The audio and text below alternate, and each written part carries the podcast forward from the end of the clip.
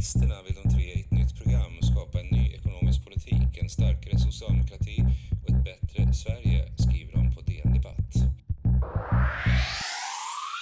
Det är det 31 avsnittet av Reformistpodden och det var ett tag sedan Sara.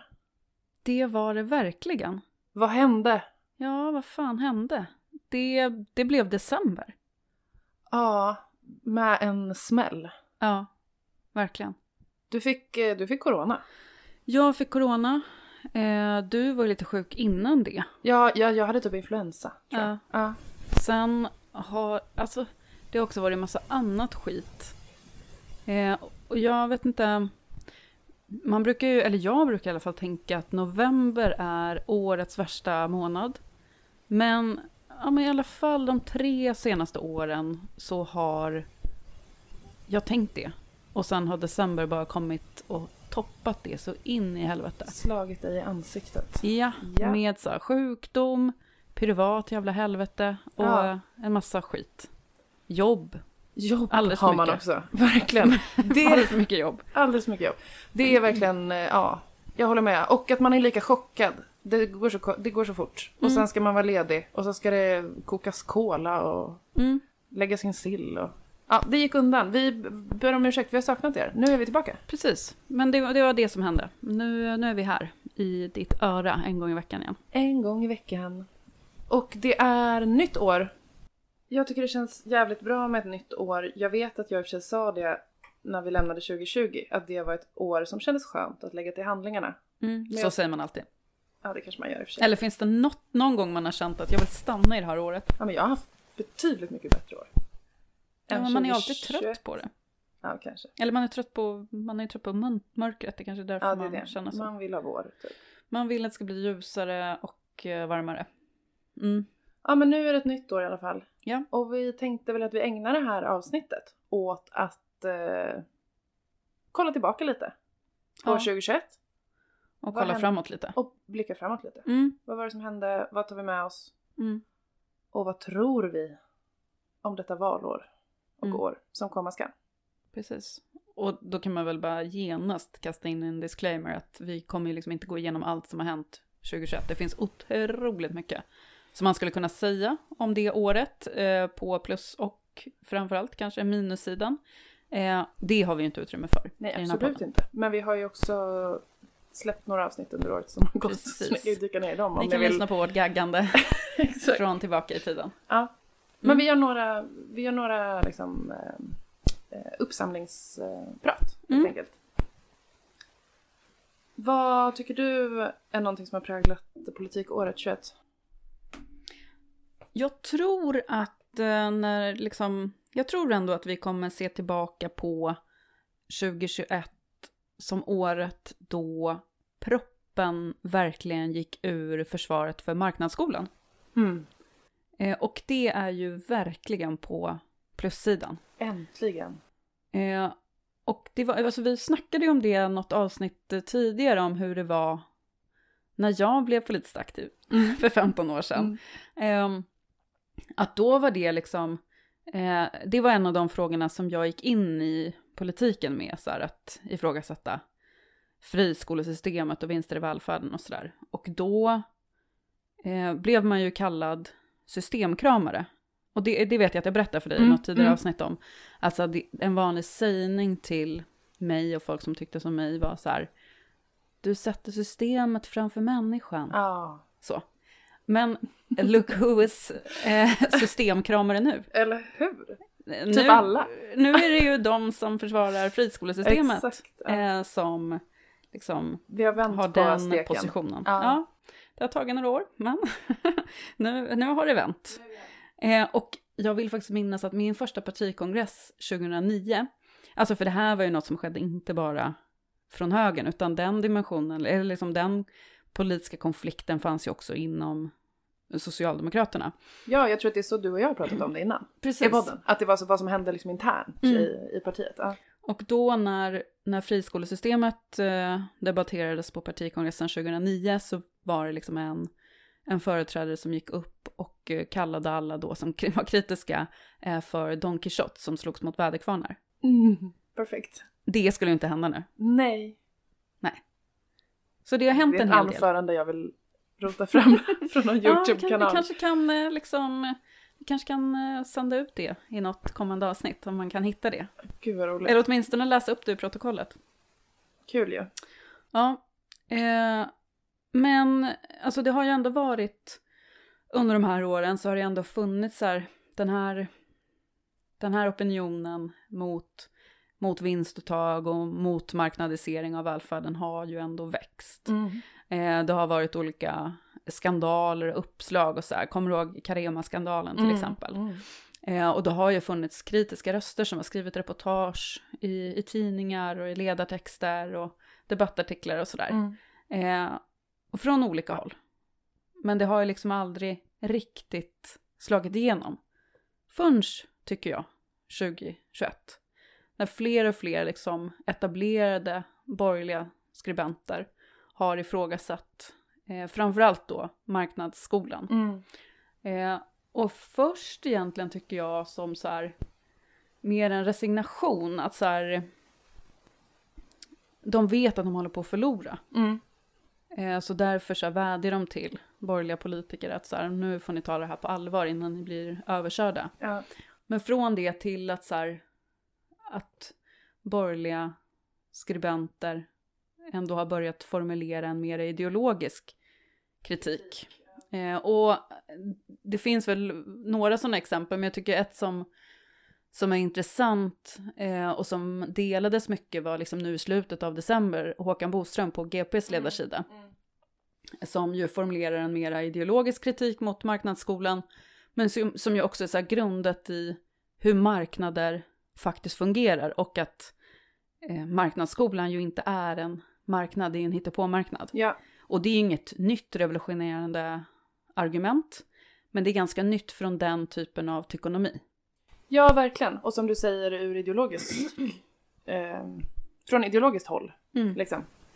Så man, jag, jag håller inte med honom om liksom, var, eller på vilket sätt han angriper marknadsskolan alla gånger eftersom han är borgerlig och det är Mm. inte jag. Men det är ju ändå en, en liksom, som du säger, en utveckling av kritiken mot den. Mm. Att det också kommer liksom välformulerad borgerlig kritik. Ja, verkligen.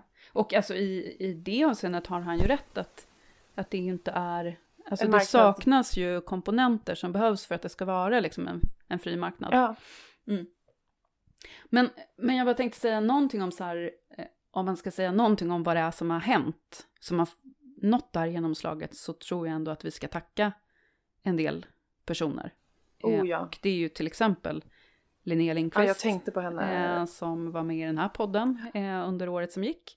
Eh, så alltså rektor Linnea som skrev den här boken En tickande bomb om skolsegregationen. Men också Marcus eh, Larsson och Åsa Pleisner på Ja, eh, tankesmedjan Balans. balans. ja. Eh, och liksom hela skoltwitter egentligen. Bestående av lärare och rektorer som har lyft den här kritiken från sin arbetsvardag och nött ner. Med liksom fakta, argument från golvet. Eh, nött ner eh, även det borgerliga motståndet. Ja, Så tack till er. verkligen. Stort tack. Och det är också en intressant... Alltså det är en spaning i sig tänker jag. Jag vet att vi pratade om det i något avsnitt tidigare. Om det här när liksom professionen kliver in. Mm. Eh, kanske i brist på att vi har gjort det tillräckligt Mm. bra. Eller liksom de partipolitiska krafterna. Men just när det gäller marknadsskolan. Det är verkligen ett sånt exempel där ja, professionen Mm. har kraftsamlat. Liksom. Mm. Ehm, och på, på det sättet liksom, ja men verkligen riktat superrimlig men också politisk kritik mot mer än vad vi kanske har lyckats göra från Mm. partipolitiskt håll. Mm. Men ja, stort eh, tack Ja, till Linnea med flera precis. Och ett hederstack får man väl ändå säga till Hans och Barbara Ber- Bergström. som la den. Att det kanske I- ändå var grädde på moset. Ah, eh, får man säga, i det här, i Björn af Kleens eh, eh, reportage i och Alexander Mahmouds. Precis, fotografen Den som blev torkad på. fotografen Ja. som blev ja, det var otroliga bilder. Ja men han är så jäkla grym. Ja. Men också, det är en väldigt, väldigt rolig... Jag menar att han också blev på något sätt eh, lite huvudpersonen i reportaget. Trots Mm. att han bara, jag gör citationstecken i luften, är fotografen. Liksom Mm. blir så politiskt sprängstoff bara genom att stå där och får, får Och ha en t-shirt. och ha en t-shirt på sig. Ja.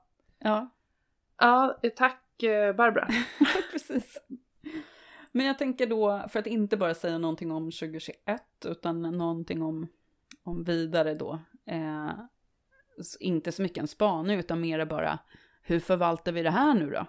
Mm. Om vi tänker att det ändå är mm. kanske inte så mycket eh, partipolitikens förtjänst att, eh, att liksom motståndet mot marknadsskolorna fått sitt genomslag, utan professionen och sådana aktörer.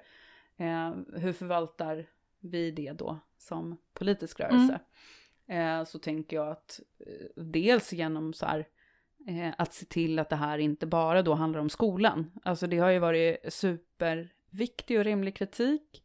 Eh, och det är på många sätt rimligt att det är skolan som är liksom det som är i förgrunden av debatten. Men vi har ju liksom en hel välfärdssektor bestående dels av vård och omsorg men också andra verksamheter som mm. HVB, hem och sådär. Mm. Där det här är eh, problem. Mm. Eh, och eh, tänker jag, eh, är ju inte heller bara begränsat till hur eh, man lägger ut olika, hur man privatiserar olika verksamheter, utan överhuvudtaget eh, den logik som sedan liksom, ja, något decennium tillbaka gör att man leker butik med hela den offentliga sektorn. Ja, verkligen.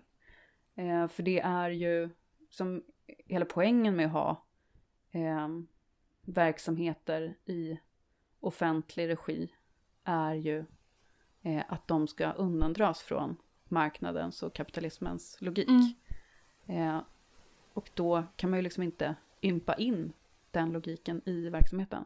Nej, och det gäller ju verkligen inte bara skolan. Där har vi ju också det märker man ju också att vi behöver driva på i vårt eget, i vårt eget parti. Alltså mm. det är ju jättebra att vi nu är tydliga i, från socialdemokratiskt håll i liksom, Just det, det tog ni marknads... på kongressen.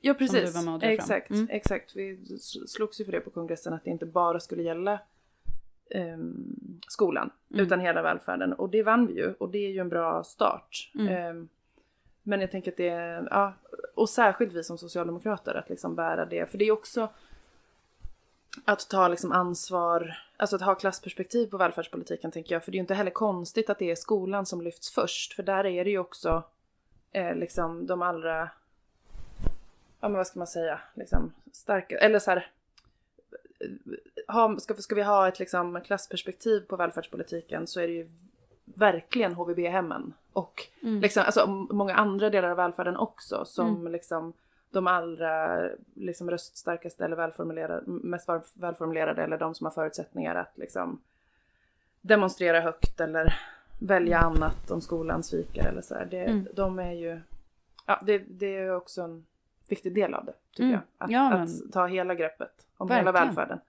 Verkligen, men, men också så här i liksom hur man sköter offentlig förvaltning. Varför är det så att man då ska dela upp förvaltningen i en köp en beställarverksamhet och en utförarverksamhet. Mm. Där man liksom ska köpa och sälja tjänster till, till, sig, själv, till sig själv. För att efterlikna eh, det privata näringslivet.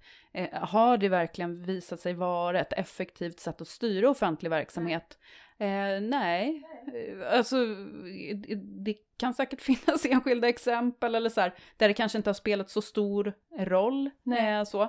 Eh, men jag tror ändå att, att den liksom den stora övergripande erfarenheten är att det inte har funkat så bra.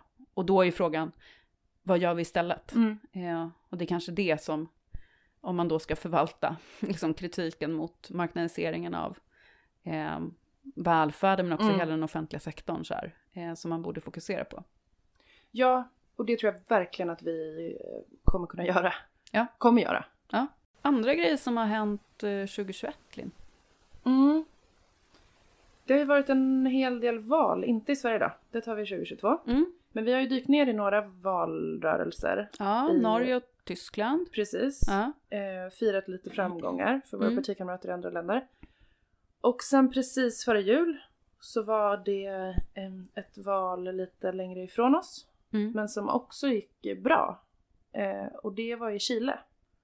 Ja, de kastade kast. Ja! Badum, badum, är hon från Göteborg? Jag kanske, jag kanske klipper bort det. Ja, kanske. Men jag tyckte det var på skoj. Mm, men mm. det har i alla fall varit val i Chile. Ja. Eh, och eh, också ett, ett valresultat vi kan glädjas åt. Ja. Som progressiva socialdemokrater. Jag kan inte så mycket om Chile. Nej. Och Chiles politik. Men vi har en eh, föreningskamrat som ju kan det. Mm. Eh, så att vi slog en pling till Hampus Andersson som faktiskt är i Chile. Just det. Då har vi med oss en gäst i Reformistpodden om Chile, från Chile. Välkommen till eh, podden, Hampus Andersson. Tack så mycket. Reformisternas utsände. exakt, exakt. Chile-korrespondent, Sydamerika-korrespondent. Eh, du är exakt. på plats i Chile.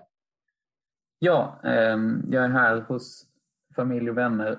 Frun jobbar från, från och i Chile tillfälligt, så vi är på plats. Mm. Det är inte bara för reformisternas räkning alltså? Du, är, du befinner dig där? Framför allt, men, men, men, eh, men lite andra saker också. Men lite andra saker också. Ja. Men du, vi, eh, har ju, vi är ju mitt i ett poddavsnitt här där vi håller på och sammanfattar stora politiska händelser eh, under året som har gått och blickar lite framåt och sådär. Och en eh, stor politisk händelse som man som, som progressiv socialdemokrat haft anledning att fira är ju valet i Chile där Boric eh, gick och vann. Eh, jag tänker att du ska få eh, berätta för oss. Vad är, det som har, vad är det som har hänt? Hur sammanfattar man det här? Eh, och varför har vi anledning att fira? Vad tänker du? Ja, det senaste som har hänt och som ger oss anledning att i alla fall andas ut är ju att Gabriel Boric, eh, en vänsterkandidat får man väl ändå klassificera honom som, vann i andra omgången och kommer bli Chiles eh, nya president. Och det gjorde han i, och det blir han istället då för motståndaren som var en extremhögerkandidat till José Antonio Cast. Som mm. är liksom, eh, en ättling till eh, eh, nazister och en extrem, ligger extremt långt ut på högerkanten. Eh, Verkligen brunhöger. Eh, mm. Med, som, som liksom en Pinochet-kramare som uttalade sig om att hade Pinochet varit vid liv så hade han röstat på honom och var väldigt oblyg i sitt, eh, i sitt stöd till diktaturen och i sitt eh, villkorslösa motstånd mot eh, kvinnors rättigheter. Han ville totalförbjuda abort och allt möjligt. Mm. Eh, framförallt en, en, en, ett tillfälle att andas ut men också glädjas, absolut.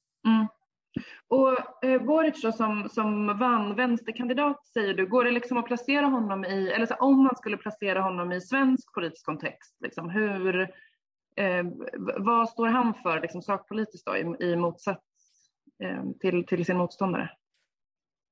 Ja, alltså man kan väl säga, det är svårt att jämföra exakt med, en polit, eh, med den svenska politiska kontexten, men det man kan säga är ju att eh, valet, framförallt presidentvalet, då var ett misslyckande för traditionella eh, höger-vänster, mitten-höger och mitten-vänster-partier. Så man kan väl säga att motsvarigheten till Socialdemokraterna med, med gamla då Partido Socialista och Concertación och, och, och den eran med Michel Bachelet och de här som har varit presidenter tidigare och som egentligen har passat styret i Chile mellan sig eh, sedan, eh, sedan 90 då, när, sedan demokratins införande. Mm de var helt, eh, de var helt irrelevanta egentligen i det här valet nu. Och, och det stod istället mycket mer polariserat då mellan, mellan extrem höger och eh, en vänster, en slags ny vänster. Gabriel Boric kommer från början från studentrörelsen och, och var en ledare i studentprotesterna 20, från 2011 och framåt och, och drev på för,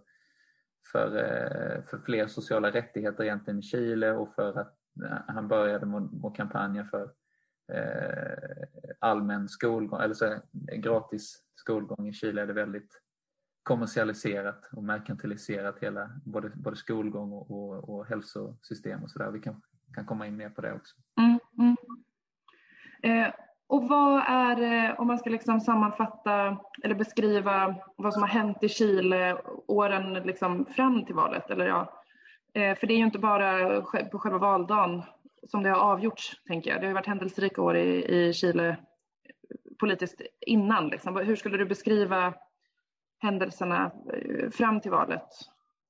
Absolut. Um, händelserna fram till valet, alltså den mer generella kontexten och bakgrunden är ju att Chile är ett otroligt ojämlikt land med mm.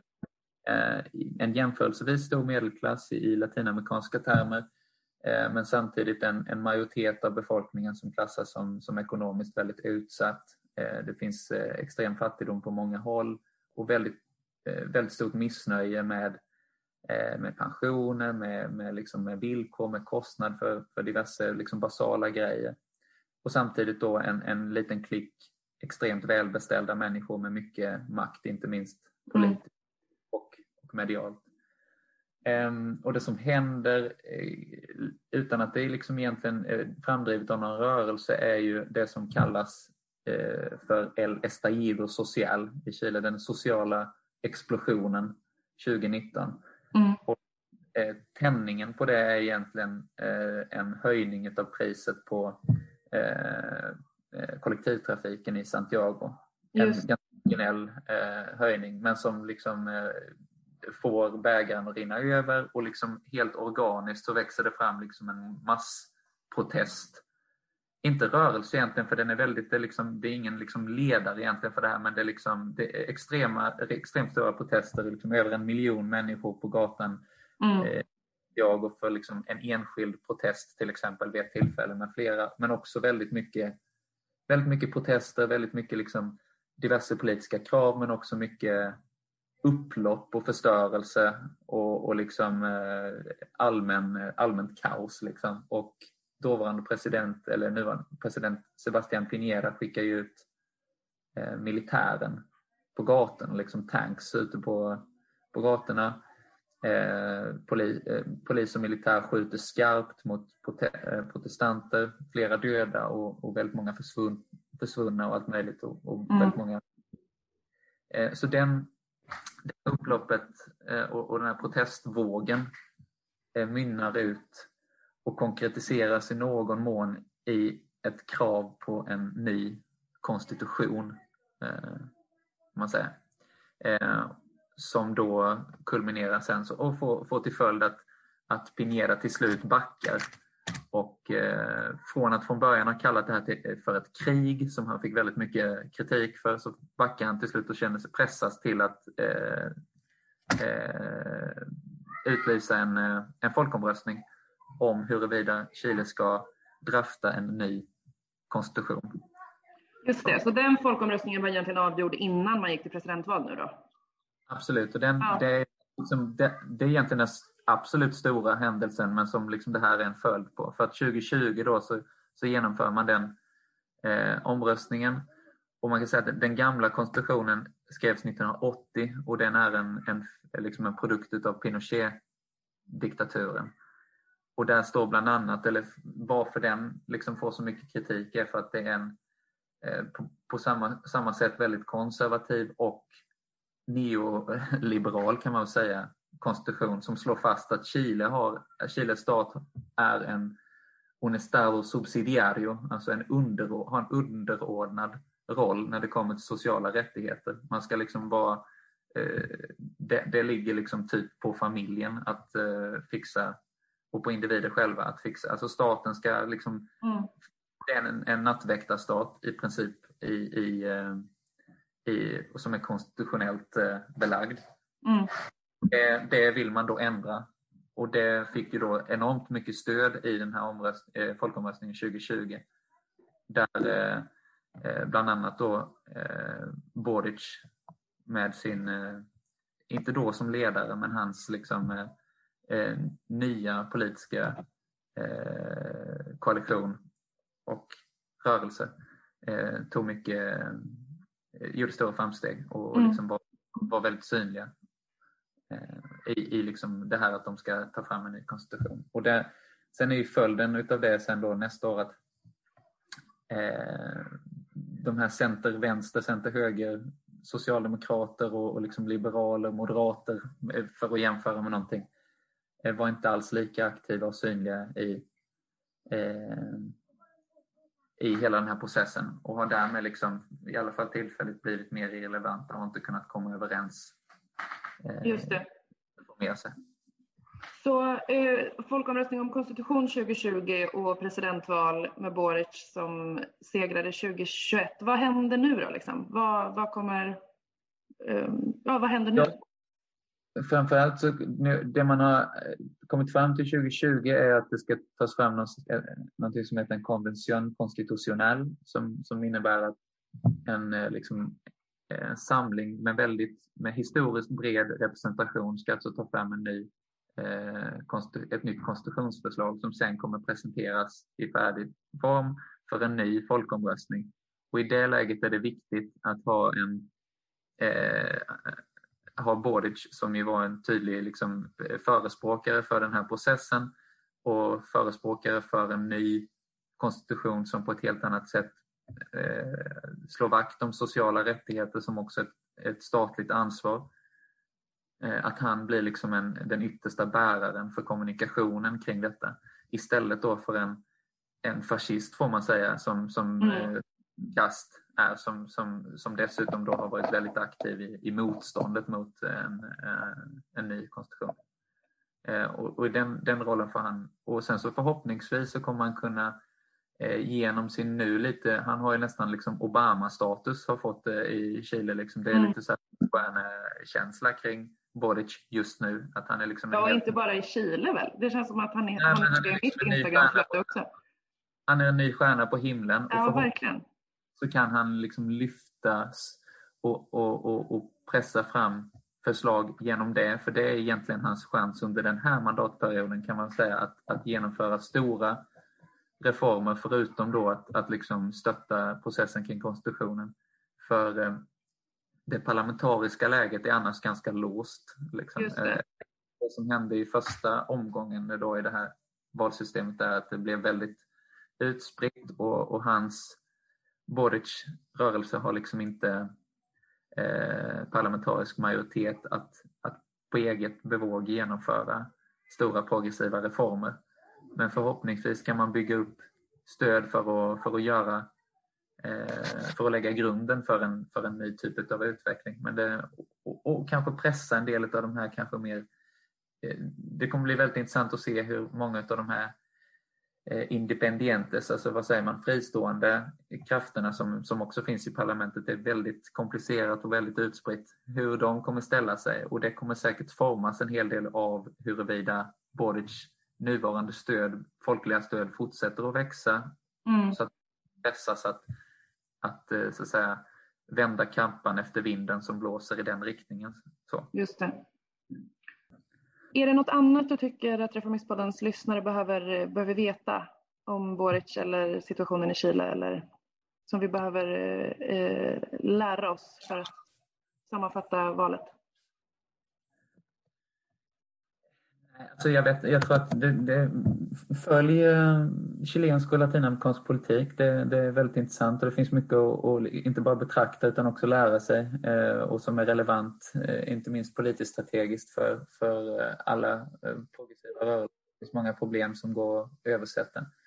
Ehm, annars så, så tycker jag att Eh, inte minst Sveriges Radio rapporterar ganska bra ifrån eh, från Latinamerika så det går att följa. Men jag, jag, jag, det var en sak som jag lade märke till på SVTs rapportering om, eh, om chilenska valet var att det skulle vara liksom en, eh, en, en, strid mellan eh, landsbygd och, och stad.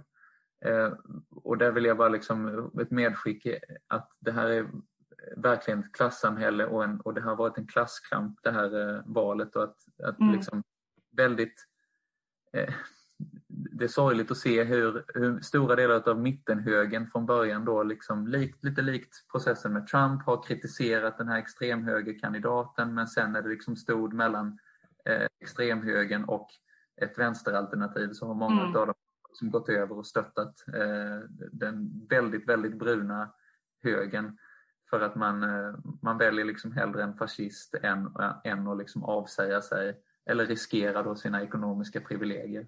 Eh, och jag tycker att det liksom är eh, ett sorgligt bevis på hur man liksom visar sina färger. Men, eh, mm. men, men, ett, eh, ett positivt medskick är att eh, antifascismen vann och att det finns, finns hopp om, om verklig förändring i Chile och det får mm. vi hålla hålla tummarna för även om det förmodligen eh, inte kommer ske eh, direkt över en natt utan det kommer, det kommer i så fall ske gradvis och det här var ett väldigt, väldigt viktigt eh, steg och en förutsättning för att det ska kunna ske. Strålande ihopknuten eh, SEC Campus. Eh, tack, eh, tack snälla för att du gästade podden och för att du eh, extra knäcker som Reformisternas eh, Sydamerika-korrespondent. Ja, tack. Jätte, jättekul att vara med. Ja, men vad bra Linn att du ringde upp eh, Hampus så att vi får lite mer kött på benen kring det som händer, har hänt och eh, händer framöver Mm. i Chile med nya presidenten. Mm. Vi ska ju eh, kasta oss in lite mer i framtiden, Ja, tänkte vi. Men innan vi gör det så vill jag bara säga en grej till om 2021. du får det. Tack Sara. Eh, en grej som har stört mig lite i berättelsen om politiken i Sverige 2021. Mm. Som ju förutom att den har handlat väldigt mycket om pandemin och coronaläget liksom i, ja, i alla fall hur jag kommer minnas 2021 och hur vi har pratat om 2021. Så har det också handlat väldigt mycket om regeringsbildning. Och liksom tillsättande statsminister. Ja, Eh, misstro- Ja men du vet, det har Mm. varit liksom många turer. Mm. Och det har ju varit många turer. Eh, det råder ingen tvekan om. Men jag tycker att det är lite farligt och lite felaktigt att gång efter annan, som jag tycker att många gör, eh, sammanfatta det här året med att det har varit liksom eh, kaos och kris och maktspel och väljarförakt och alltså det är som att vi liksom eh, ja men egentligen snackar väldigt, väldigt mycket skit om vårt parlamentariska system och hur vi har riggat det och hur det funkar. För det är klart att det har varit ett rörigt år liksom. Eh, och eh, som sagt, många turer kring liksom Magdalena Andersson var statsminister i några timmar och sen var hon inte det längre. Och, så här, eh, och det är väl ingen som vill ha det så. Men jag tycker också att det är lite viktigt att poängtera att det är liksom så här vårt system fungerar så länge vi inte har ett annat valresultat. Liksom. Alltså vi har, vi, har en, vi har ingen stabil majoritet i riksdagen. Vi är ganska ovana vid att inte ha en stabil majoritet i riksdagen om man ska liksom se historiskt sett i Mm. Sverige. Ehm, och eh, så här fungerar det liksom. Ehm, och jag tror att är det någonting som jag hoppas att vi eh, socialdemokrater tar med oss in i liksom valet och kommande, eh, ja efter föl, liksom nästa valresultat. Så är det ju, eh, jag hoppas ju och tror att vi kommer ha väldigt mycket bättre förutsättningar att bilda en starkare Mm. regering efter valet.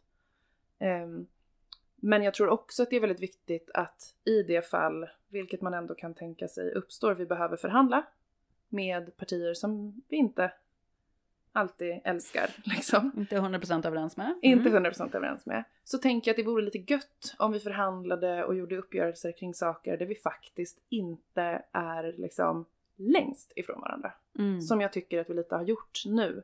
Som väl till och med Nyamko Sabuni erkände. Liksom i... Var det Nyamko Sabuni Inte bara erkände, jag tror att hon var stolt över faktiskt. skröt Att så här, vi har förhandlat fram i de frågor som, där det gör som ondast för Socialdemokraterna. Ja, Mm. och det gjorde de ju. Liksom. Mm. Vi, har ju vi har ju gjort upp med, ja men även med Centerpartiet liksom, om Mm. marknadshyror och arbetsrätt och sådär som Mm. är liksom, ja men verkligen där det smärtar mest. Och givet den här eh, hyfsat os, liksom, ja, jämna fördelningen egentligen mellan partierna liksom, i Mm. riksdagen så kommer vi behöva fortsätta göra olika politiska överenskommelser. Och jag tror att det vore lite smutt om vi gjorde dem kring saker där vi faktiskt har goda chanser att komma överens. Mm. Sluta eh, pungslå varandra. Ja, Som du sa en gång i den här podden. Så för att citera Sara Karlsson så vill jag, vill jag säga eh, sluta pungslå varandra. ja det, det är ett bra citat. Det är Jag, det. jag tror faktiskt jag minns också vad vi pratade om för tema då, att det var i samband med att vi släppte eh, rapporten En grön ny för Sverige.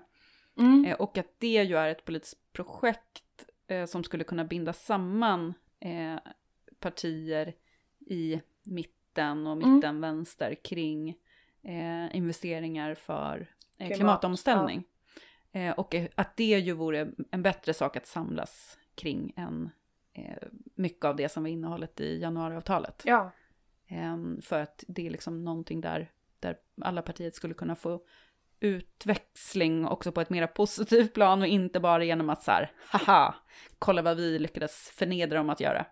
För det är, High faktiskt, five! det, är, det är ett ganska sorgligt politiskt projekt. Ja, det är ett jättesorgligt politiskt projekt och det gör ingen nytta för någon, Nej. tror jag. Ehm, och så liksom då samma politiska företrädare sen håller på att liksom kasta bajsmackor på Socialdemokraterna för att bara, det är kaos och kris och Mm. välja förakt och allt går åt skogen och så här. Att, ja, jag tror att det är fa, liksom, en farlig utveckling. Mm. Liksom, man får ha ehm, respekt för att vi tycker olika men vi kan komma överens i vissa frågor. De Mm. bör vi, när det krävs, försöka Mm. hitta överenskommelser kring. Men man får också sluta beskriva eh, det här året tycker jag som att bara allt var kaos. Det gör ingen Ja, och att, nytta. att det var, alltså för det finns ju i de beskrivningarna också någon typ av så här anklagelse om att saker är odemokratiska. Ja, verkligen. Eh, trots att det ju liksom är, ja men som du är inne på, en, en följd av hur vårt val och partisystem är, är riggat. Mm. Eh, så, och det, det går ju såklart att förespråka andra valsystem, enmansvalkretsar eller vad man nu skulle Exakt. tänka sig skulle ge ett enklare manövreringsutrymme eller Nej. sådär. Men ehm, Nej men det är ju sällan det man gör. I, i de, liksom, den kritiken som riktas är ju aldrig konstruktiv på så sätt. Vi borde göra så här istället. Utan det är ju bara så kris och kaos och eh, ja. ja, det är väl det som är det verkliga politiska spelet, liksom. Ja. Att hålla på och använda det mot andra partier. Ja, Liksom. ja. ja, och det riskerar att, att liksom underminera det system som vi faktiskt har och det om något Mm. eh, spär ju på Mm. människors misstro Mm. mot, mot eh, liksom, vårt demokratiska system. Ja.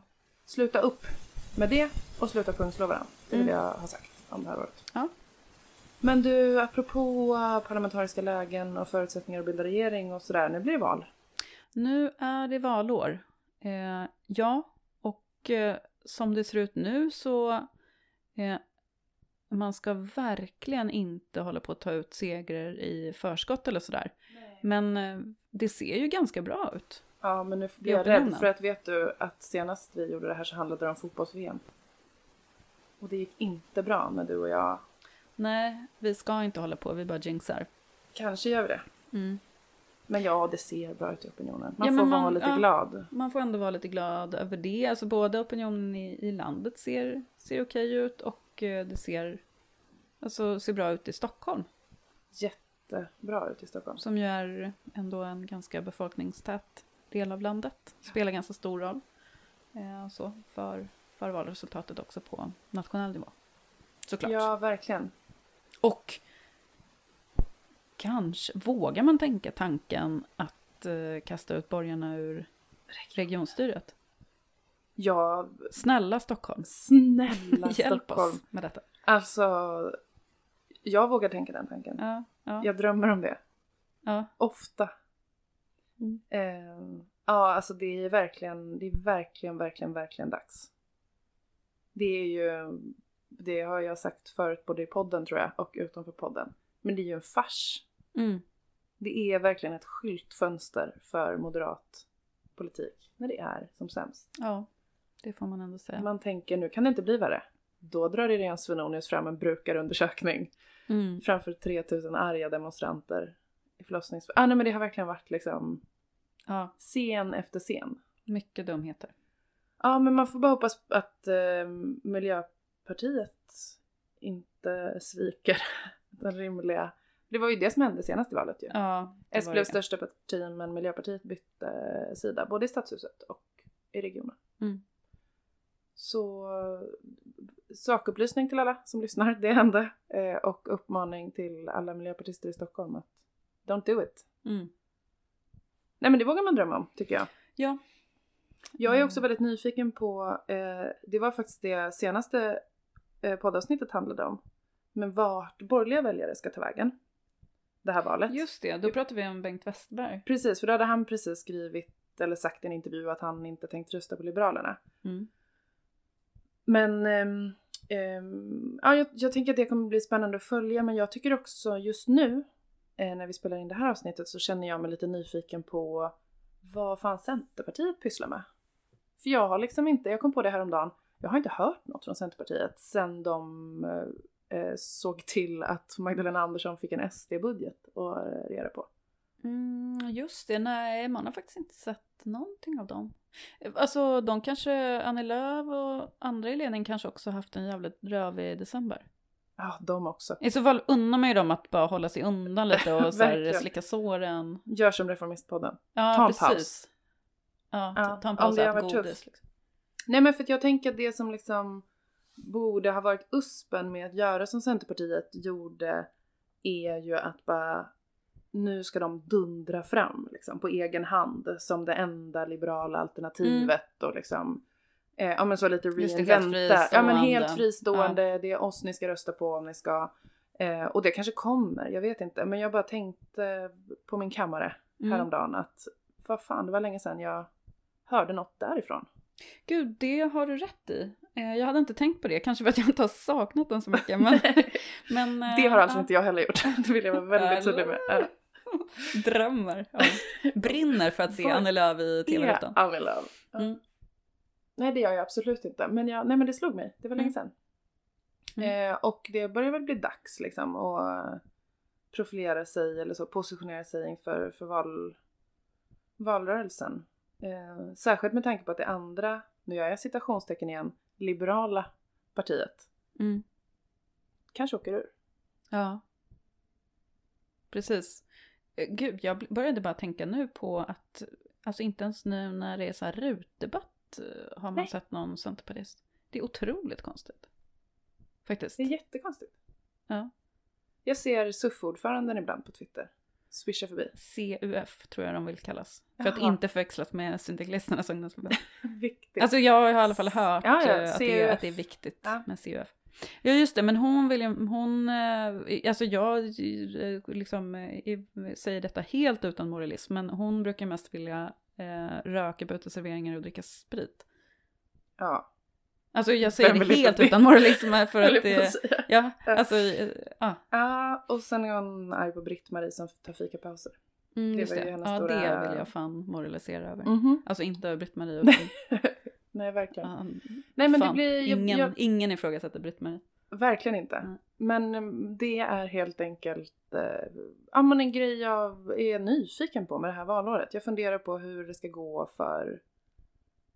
För Liberalerna. Ja, för Alltså, Liberalerna. jag, men, jag menar, då menar jag inte partiet Liberalerna, utan Liberalerna. Liberalerna, vart ska de ta vägen? Vad fan är de? Ja, och, vad, och vilka ska de rösta på? Och som sagt, det är väl Centern man, kan man tänka sig. Och man kan tänka sig att Centern vill det. Men eh, var är Centern? Jag vet Mm. inte. Ja, det är, Eh, Fan, jag tror att de bara laddar alltså. de laddar. Ja, snart kommer de. Ja. Martin Ådahl i, i ditt öra, Ah, i ditt ansikte. gud, jag har inte saknat Martin Ådahl. Alls faktiskt. Nej, men det blir... ehm, jag vill fortsätta lite på där vi slutade helt enkelt i förra poddavsnittet. Vart är alla borgerliga väljare? Vart ska de ta vägen? Eh, jag vet inte. Eh, Liberalerna ser ut att åka ur. KD är på gränsen. Och det är inte så att Moderaterna har råd att tappa jättemycket stödväljare, eller liksom stödröster till något av de partierna. Då blir ju de tredje största parti. Ja. De ligger precis, precis på håret med, eh, med, med SD. Så att nej, det ser väl liksom... Jag är ju alltså glad över detta, det vill jag Mm. vara väldigt tydlig med. Mm. Eh, Det ser jättedåligt ut för Ja, jag börjar bli lite partier. orolig här. Nej, absolut inte. Värnar lite för mycket om de här Liberalerna. Jag ska genast sluta upp. Jag firar, men jag är också nyfiken. Ja, Mm. Men ja, nej det är som du säger, vi ska inte, vi ska inte hålla på och jinxa. nej. Vi har en dålig historia av att Ja, gud ja. Betta resultat. Men eh, det känns bättre än vad det har känts på länge. Vill jag ändå säga. Men du, då kanske vi ska släppa in vår eh, gästspanare. Ja, en annan röst än våra. Precis, en, en röst med lite mer dialekt. Mysig Eh, dialekt tycker jag. En väldigt härlig dialekt. Mm. Fast eh, han skulle ju kunna bre på ännu lite mer. Lite till. Jag Eh, tycker att han kan ta med sig det till nästa ja, gång han Nästa gästar. gång vi ber Daniel Svedin att gästspana så vill vi höra mer dalmål. Gärna det. Men eh, ja, vi släpper in den. Jag tänker en del på trygghet. Det är ju ett ord som socialdemokrater gärna använder. Det fem gånger så finns det med i Olof Palmes gamla anförande om varför han var demokratisk socialist och valmanifestet 2002 det hette Tillsammans för trygghet och utveckling. Och eh, när Socialdemokraterna hade partikongress 2017 så var det under parollen Trygghet i en ny tid. Men vad är trygghet för någonting egentligen? Det tror jag att ganska mycket eh, av eh, valrörelsen och valåret kommer handla om. Vi har ju gått ifrån en betydelse, sett en betydelseförskjutning kan man väl säga. att Eh, vi pratade förut om generösa pensioner och välfungerande sjukvård. Nu handlar det väldigt mycket om skärpta straff och övervakningskameror. Och eh, det har ju såklart också hänt inom socialdemokratin.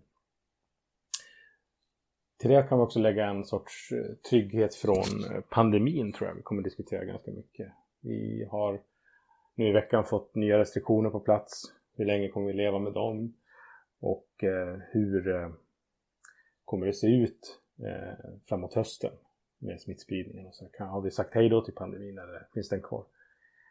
Ehm, lite relaterat till det här så tänker jag lite på hur man kan väva ihop trygghetsfrågorna. Trygghet, trygghet från våld, trygghet i välfärdsmening och kanske också någon sorts trygghet i, från pandemin som är kopplat egentligen till, till välfärdsfrågan.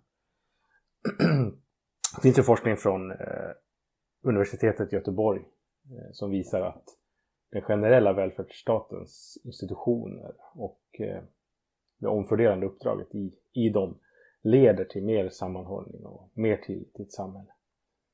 En välfärd som fungerar det leder till ökad jämlikhet och det stärker tilliten bland människor.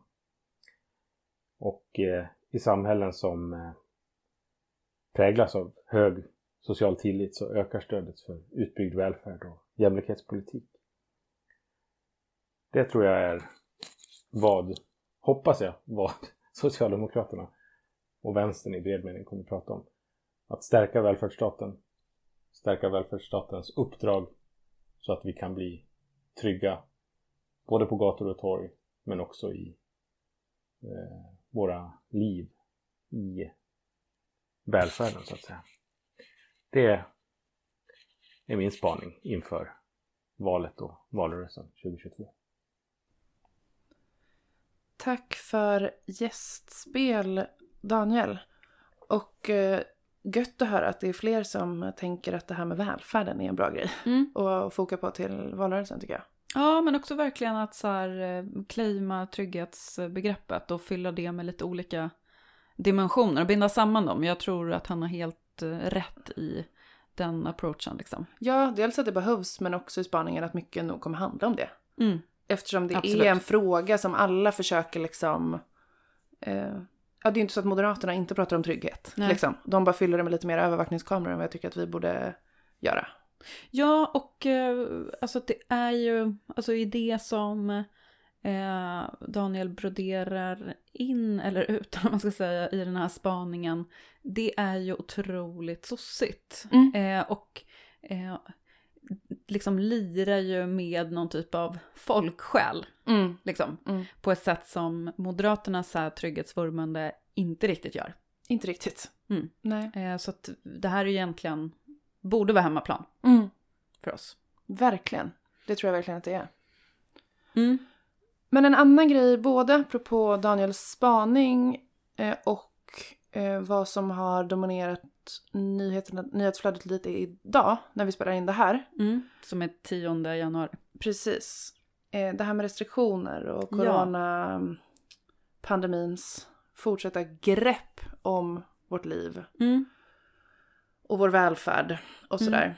Eh, Så kom det lite nya restriktioner idag. Daniel var också inne på det i sin spaning då kring liksom hur länge ska vi leva med det här och också det här med liksom eh, tryggheten i välfärden Mm. och tron på välfärden, att man kan lita på välfärden och sådär. Jag vill ändå säga någonting om att vi nu befinner oss i ett läge där Magdalena Andersson och Socialstyrelsen står på en presskonferens och säger ganska rakt upp och ner att den höga belastningen på vården beror på andra sjukdomar än corona. Mm. Och ändå möter det med restriktioner. Ja. ja, men precis. Och det då just eh, Daniel Svedin har ju varit en, tycker jag, en av de eh, liksom mest balanserade Ja men såhär liksom, nykter rösterna. eh, röst Eh, liksom. Ja, men som har varit kritisk mot Mm.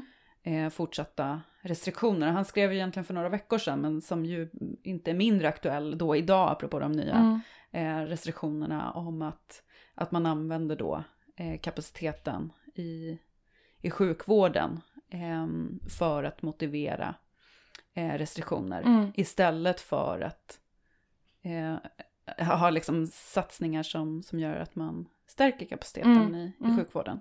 Och det är klart att här handlar det om frågor både på kort och på, på lång sikt. Men vi har ändå levt i snart två år med den här pandemin och antalet eh, intensivvårdsplatser har inte ökat. Nej. Eh, och då blir det ju svagt eh, att använda det som argument för att inskränka våra fri och rättigheter. Ja. Ja, och jag vet att ehm, jag tyckte att Daniel också hade en så smart jag vet inte om det var rubrik eller liksom sägning i den artikeln som jag tror att du refererar till Sara som var så här, det, det är billigare med restriktioner än med satsningar på välfärden.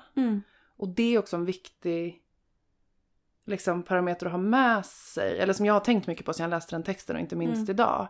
Att det är så här, ja det är klart att det är, ja det, det är bara sånt jävla, det är så undermåligt liksom. Att vi vet om att vården har stått ehm, för dåligt rustad och fortsätter stå för dåligt rustad. Mm.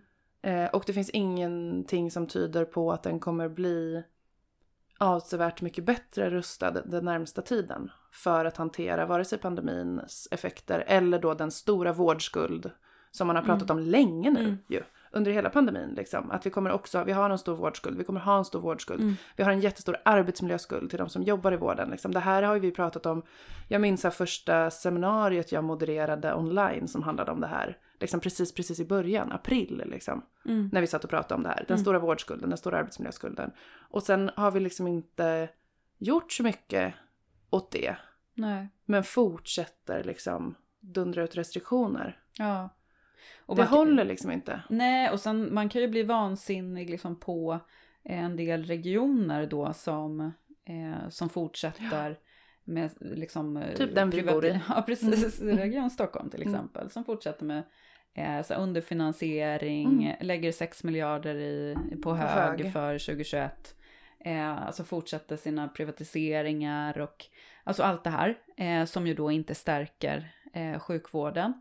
Ehm, men, men det är liksom, det är inte heller liksom tillräckligt argument för regeringen att bara luta sig tillbaka mo, mot det. För det är klart att så här, även om regeringen inte styr Region Stockholm till exempel Mm. så, så finns det ju ändå eh, makt i regeringsmakten att, att också eh, styra eh, och eh, skapa liksom då incitament, som det så Incitament. fint heter Ja. eh, för regionen att agera annorlunda. Ja. Alltså till exempel villkora eh, de här stora statsbidragen man har delat ut med att, eh, att kunna uppvisa att man gör förstärkningar ja. av, eh, ja, av välfärden i olika Mm. avseenden. Det måste gå att utforma styr, politisk styrning från regeringens håll när man dundrar ut så mycket pengar Mm. ändå som liksom pandemin har kostat och behöver få kosta. Mm. Men där vi också tycks vara rörande överens om att det stora problemet är kapaciteten i sjukvården.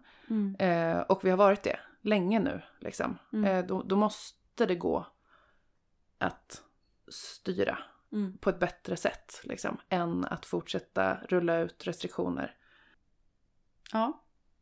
Men du, ska vi avsluta med att göra lite reklam för oss själva? Det tycker jag vi gör. Mm. Ödmjuka vi. Ja. Ja men vi måste göra reklam, vi ska livepodda. Mm. Det ska bli Det- så himla kul. Det ska bli väldigt kul. Och trots den här presskonferensen med nya restriktioner som vi har följt idag så tror vi att det här kommer gå vägen. Mm.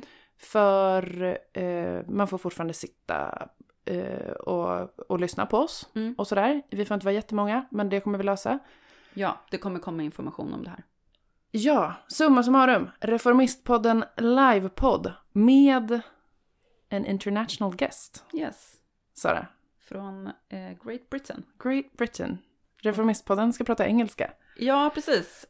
Det här Eh, måste vi öva på. Ja, jag jobbar väldigt mycket nu med min skam över att dels behöva prata engelska inför folk, men också spela in det och sen liksom lägga ut Sända det. det. Jag ska Ja. också klippa det och sitta och lyssna på mig själv. Ja. Kommer klippa bort allt jag har sagt. Vad kul. Vad kul av- poddavsnitt det blir. Ja men eh, ska vi säga vem det är som kommer? Ja. Det är Aron Bastani. Precis. Eh, som har skrivit boken Fully Automated Luxury Communism. D- Det här låter så bra. Du har det. Hon har nailat det.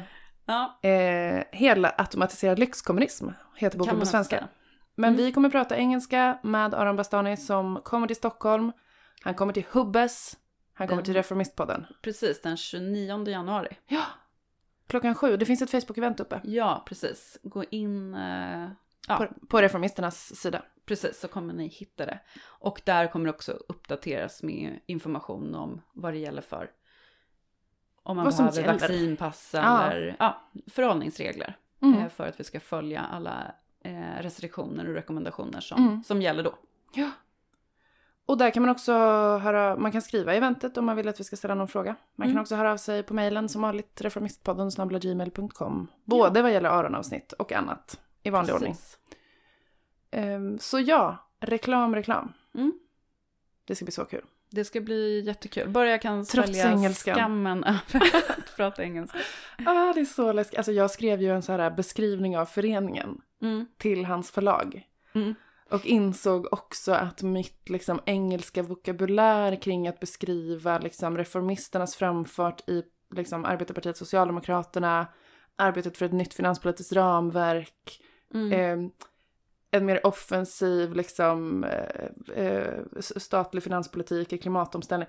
Sådär! Mm, ja, är det är jag på inte det. riktigt skolengelska. Nej. Nej. Jag kan eh, prata om New Girl hur bra som helst Mm. på engelska.